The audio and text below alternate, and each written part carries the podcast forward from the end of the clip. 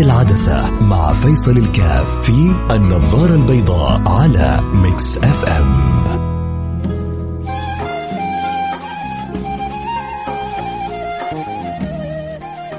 بسم الله الرحمن الرحيم. الحمد لله والصلاة والسلام على رسول الله وعلى آله وصحبه ومن والاه. حياكم الله أحبتي في برنامج النظارة البيضاء.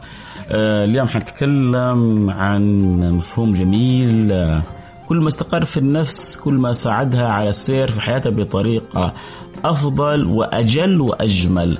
ألا وهو مفهوم أن الدنيا مزرعة الآخرة. كيف أجعل دنياي خير طريق لأخراي؟ كيف أجعل الدنيا خير طريق إلى جنة رب العالمين؟ طبعا أنا أكلم المؤمنين أنا أكلم العقل أكلم المسلمين أكلم من يؤمن أن وراء الدنيا هذه جنة ونار لأنه سبحان الله في ناس سلبوا عقول عقولهم وفي ناس سلبوا أفهامهم وأفكارهم فعاشوا حياة منقطعة عن الله سبحانه وتعالى. يظنوا أنه الحياة الدنيا هي الحياة وما بعدها حياة. فهؤلاء يعني ليس لي معهم كلام بالذات في الحلقة هذه لأن نحن نتكلم مع العقلاء اللي آمنوا أن وراء هذه الدنيا آخرة والآخرة. فيها طريقين وهديناه النجدين. فيها طريقين طريق خير وطريق صعب. نسأل الله السلامة والعافية أن يبعدنا وإياكم عنه. في طريق جنة وطريق إلى جهنم. وكلنا نرجو من الله سبحانه وتعالى. أكيد وأنتم معايا وانت وكلنا بنتمنى ونقول يا رب يجمعنا الله وإياكم في الفردوس الأعلى. يجمعنا الله وإياكم في صحبة النبي المصطفى صلى الله عليه وعلى آله وصحبه وسلم. إذا الكلام أن الدنيا مزرعة الآخرة للعقلاء الذين يدركون هذا الكلام. يبقى الكلام كيف أنا أجعل بالفعل دنياي مزرعة للآخرة؟ كيف أحول هذا المفهوم وهذه الفكرة إلى واقع تطبيقي في حياتي لأنه نظريا كلنا نؤمن بالفكرة هذه. ما يوجد أحد يشهد أن لا إله إلا الله وأن محمد رسول الله إلا ويؤمن إيمان تام أن وراء الدنيا مرحلة أخرى أي أن الدنيا بكلها مرحلة من مراحل الحياة. أنت في مرحلة مراحل كنت في بطن أمك. ثم مرحلة أخرى الآن أنت فيها في هذه الدنيا. ثم مرحلة أخرى تكون فيها في البرزخ. ثم مرحلة بعدها تكون فيها إما في جنة وإما في نار. وأسأل الله لي ولكم. مش الجنة. لا. أسأل الله لي ولك الفردوس الأعلى. أعلى مراتب الجنة. فأنت الآن في مرحلة من مراحل الحياة. فمن الصعب إنه نغفل ما بعد خصوصا إنه لسه ورانا مرحلتين. المرحلة الأولى مرحلة البرزخ. مرحلة آه، انتقالنا من الدنيا وانتظارنا في القبر حتى تقوم الساعة. فينا من ينتظر خمسين سنة وفينا من ينتظر مئة سنة بحسب متى الواحد يموت وكم يبقى بينه وبين قيام الساعة. وفينا لسه ناس من ألف وألف ومئتين وألف ثلاثمية والصحابة من ألف وأربعمية وما زالوا ينتظروا قيام الساعة وهم في قبورهم. وحيجي وقت من الأوقات يخرجون من القبور. ذراعا كأنهم إلى نصب يوفضون يخرجون من الأجداث كل واحد يخرج من قبره من مكانه لما تأتي النفخة وعندما تأتي الصيحة الله يصلح لنا أحوالنا ويحسن لنا خاتمتنا وهو راضي عنا فإذا فكرتنا كلها حتكلم اليوم إنه إحنا الآن في في الموطن هذا موطن مزرعة، مزرعة الثمار حنقطفها في الآخرة. فمشكلة لما تكون أنت في مزرعة وفيها فواكه قيمة وفيها ثمار عظيمة وأنت ما أنت داري عنها. وانت ما انت عارف قيمتها. وانت ما انت عارف النعمة اللي ربي سبحانه اللي المولى سبحانه وتعالى حباك بيها. في ناس تحطهم في مزارع لكن للأسف ما يعرفوا قيمة المزارع هذه. وإحنا وياكم في مزرعة عظيمة يا جماعة. لما تدرك الفكرة هذه تدرك معنى توفيق الله لك في كيف إنك تسير بالطريق الصحيح. مثل ما قال الإمام الحداد العالم الفاضل قال وما الدنيا بدار إقامة. وما الدنيا بدار إقامة وما هي إلا كالطريق إلى الوطن. الدنيا ما هي ما يعني اللي بيعيش إن الدنيا دار إقامة بيضيع نفسه. ولكن هي كالطريق إلى الوطن. ما زال الحديث بقية. نروح الفاصل ونرجع ونواصل. خليكم معنا. تحت العدسة مع فيصل الكاف في النظارة البيضاء على Mix FM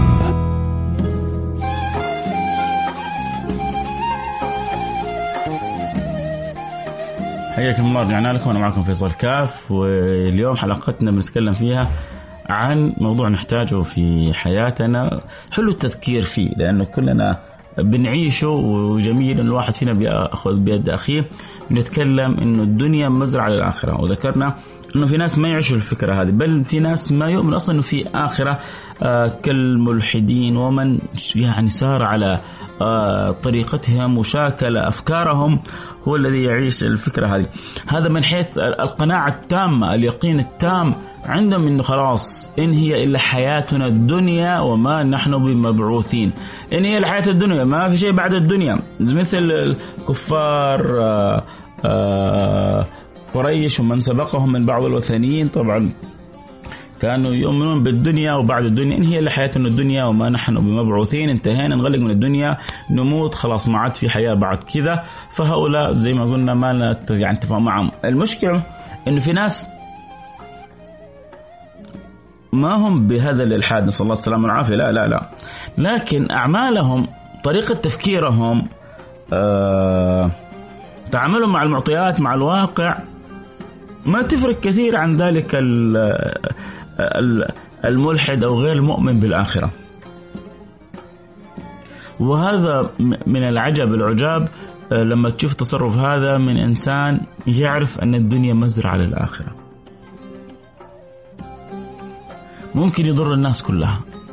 ممكن يآذي الناس كلها. المهم انه هو يكسب المهم انه هو يستفيد. طيب ما تعرف إنه في ربح يحاسبك إنه في ربح يعاقبك إنك في ربح تقف بين يديه؟ ما يفكر في هذا كله ابدا. همه الآن هو كيف يسيطر همه الآن هو كيف يكسب همه الآن كيف هو يصير تاجر همه الآن كيف هو تكثر فلوسه همه الآن ممكن يصير تاجر مخدرات ممكن يبيع بشر ممكن يتاجر بأعضاء ممكن يسرق ممكن يلعب ممكن يسوي أي شيء. المهم عنده أنه في الأيام هذه المعدودة يكون هو مبسوط يكون هو في في ظنه. سعيد يكون هو يحصل كل اللي يبغاه. ما يدري إنه المسألة كلها أيام. الإمام الشافعي لما قال الدنيا ساعة فاجعلها طاعة ما ما ما اتى بها من فراغ. يبغى يقول لك إنه المخبأ لك في الآخرة لا يعني لا يمكن تصوره مقابل فتات في الدنيا أنت بتضيع وقتك عشانه. انت بتنشغل بالفتات وتضيع الخير الكبير المخبأ لك في الآخرة. فلذلك يقول لك ترى الدنيا كم كم قيمة الدنيا مقابل الآخرة؟ لا شيء يذكر. ولذلك قال الدنيا ساعة فاجعلها طاعة. العقلاء يدرك هذا الأمر. قصة تروى. إنه في زمن سيدنا نوح مر على امرأة بكت حتى اشتد بكائها قال يا يا امرأة على ما تبكين طبعا تعرفوا إنه عمر دعوة سيدنا نوح مش عمره عمر دعوته 950 سنة كما جاء في القرآن الكريم. فما بالكم بعمره؟ 950 سنة بعمر دعوته يعني براحوا فوق الألف وألف وزيادة. طيب. يا امرأة على ما تبكين قالت مات ابني وهو صغير. قال كم عمره؟ قالت 200 وبضع سنين. على قولتنا كذا يا عين أمه لسه ما شاف الدنيا لسه ما فتح. لسه وراه ألف حاجة حاجة يفكر يسويها. مئتين وبضع سنين. قال يا امرأة يأتي على الناس زمان تكون أعمارهم في بين الستين والسبعين. قالت إن أدركتهم ما بنيت لي دار. وإذا أتت الشمس من المشرق توجهت للمغرب. وإن توجهت الشمس للمغرب أتيت للمشرق. ستين سنة؟ هم أعمارهم 900 ألف 1200 1300 وإحنا 60 سنة هذه ثلثها نوم. بعضنا وبعضنا نصها نوم ما شاء الله تبارك الله. والثلثين أو النص الباقي ما إحنا قادرين نضبطه مشكلة كبيرة. هنروح فاصل ونرجع ونواصل. خليكم معنا لا أحد يروح بعيد. المهم إن الله ينظر إلينا ويجعلنا حقيقة ممن استثمر الدنيا الاستثمار الصح. استثمار الحق كيف إن تكون الدنيا مزرعة للآخرة، ربنا له توجيه رباني في هذا الأمر. كيف نجمع ما بين خيرات الدنيا والآخرة ونسأل الله سبحانه وتعالى خيري الدنيا والآخرة. بعد الفاصل حنرجع ونواصل حديثنا ولا شك أن الدنيا مزرعة للآخرة. في ال frame مع فيصل الكاف في النظارة البيضاء على Mix FM.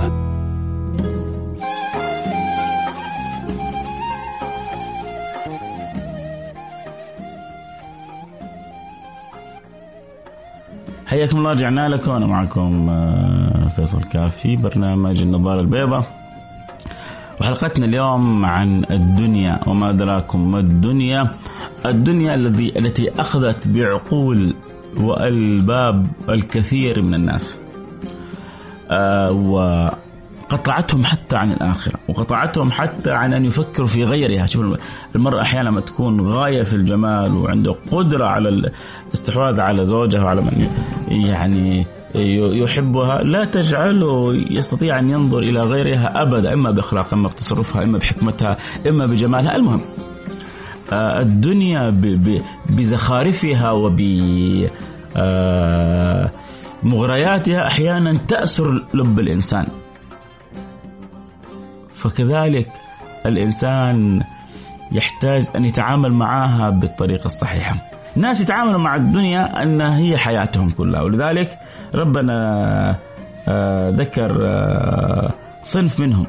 فمن الناس من يقول ربنا آتنا في الدنيا وما له في الآخرة من خلق شوف هذا يعرف ربنا ويعرف أنه في رب. ولو سألته في آخرة يقول لك في آخرة وهو يطلب من مين يطلب من ربنا.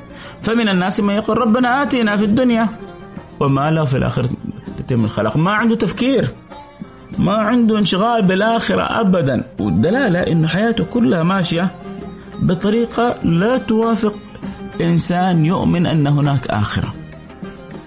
تصلي لا ما اصلي طيب أنت مسلم؟ يقول لك إيه أنا مسلم؟ تصوم على حسب. تزكي؟ لا أعطي فلوسي للناس. ما اخرجها لو إيش؟ تعبت فيها هذه أنا. طيب يا أخي الله أمرك بالزكاة. يسوي نفسه ما يسمع. طيب يا أخي الله أمرك بالصلاة. ما هو حولك. فبعض الناس وهذا هو لما تجي له صفقة وتجي له يقول يا رب يا رب يا رب رسيها علي. يا رب الصفقة هذه تنزل لي. يا رب المناقصة هذه أنا اللي أكسبها. فمن الناس ما يقول ربنا آتنا في الدنيا. وما له في الآخرة من خلاق. هذا هذا الصنف اللي ما نبغاه. ونقول يا رب آه، أخرجنا وابعدنا عن حال هؤلاء الناس. طيب مي إيش الصنف اللي نبغاه يا جماعة؟ إيش الصنف اللي يتمناه الواحد؟ الله علمنا كيف نكون وإيش نطلب. ومنهم الله يجعلنا وإياكم منهم. قولوا آمين. ومنهم من يقول ربنا آتنا في الدنيا حسنة وفي الآخرة حسنة. وقنا عذاب النار. هذا المطلوب. تطلب أمور دنياك أن تكون بأحسن ما يكون. تطلب أن دنياك تكون مزرعة لآخرتك. عشان تكون آخرتك بأحسن ما يكون تخاف من الله وتطلب دائما منه العفو والغفران والتوبة إلى الله. أنت ملك. أنت كذا وصلت للمبتغى بأحسن حال. ربنا اتنا في الدنيا حسنة وفي الآخرة حسنة وقنا عذاب النار. طيب إيش الجواب يا رب؟ أولئك لهم نصيب مما كسبوا. والله سريع الحساب. هذا اللي نحتاج. هذه خلاصة الحلقة.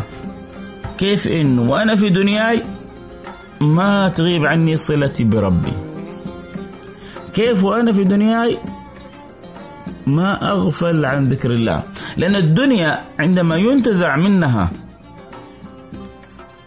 أمر الصلة بالله الحب لله الحب لرسول الله ويصير التعلق بالدنيا. تعلق ذاتي هنا ندرك معنى قول حب الدنيا رأس كل خطيئة. المشكلة مش في الدنيا. مو الناس بتلخبط وبتحط حرتها بالدنيا لا المشكلة في حب الدنيا الحب الذي يقطعك عن حب الآخرة. ولا الدنيا بالعكس فيها نجد الأجور. في الدنيا هذه عرفنا رسول الله صلى الله عليه وسلم. في الدنيا هذه عرفنا القرآن الكريم. في الدنيا هذه عرفنا الوالدين. في الدنيا هذه جاءتنا الخيرات الكثيرة. في الدنيا هذه أكرمنا بأعظم الكرم. في الدنيا هذه فتح لنا باب الأجور. في الدنيا هذه قدرنا نصلي قدرنا نصوم قدرنا نحج قدرنا نزكي. في الدنيا هذه كل حصل هذا. لكن لما أحبها حب ينسيني الآخرة أعرف أن كل الخطيئة من هذا الحب. ولذلك يحتاج الواحد منا أن يدرك هذه المعاني لأنه بهذا الإدراك تفهم معنى قول النبي المصطفى ازهد في الدنيا يحبك الله وازهد فيما عند الناس يحبك الناس. حنروح الفاصل. ونرجع ونواصل خلوكم معنا لا أحد يروح بعيد وما أجمل أن تكون الدنيا مزرعة للآخرة. ستة على ستة مع فيصل الكاف في النظارة البيضاء على Mix FM.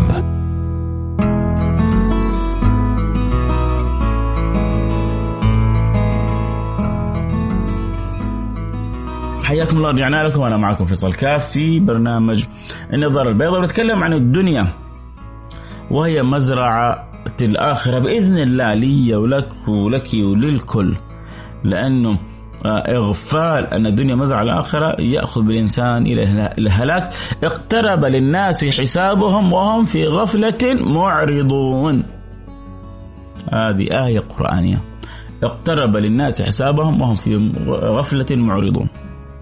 بعض الناس بيتمادى في الغفلة بيتمادى في الخطأ بيتمادى في المعصية بيتمادى في المنكر بيتمادى فيما لا يرضي الله سبحانه وتعالى. هذه غفلة تعتري الإنسان.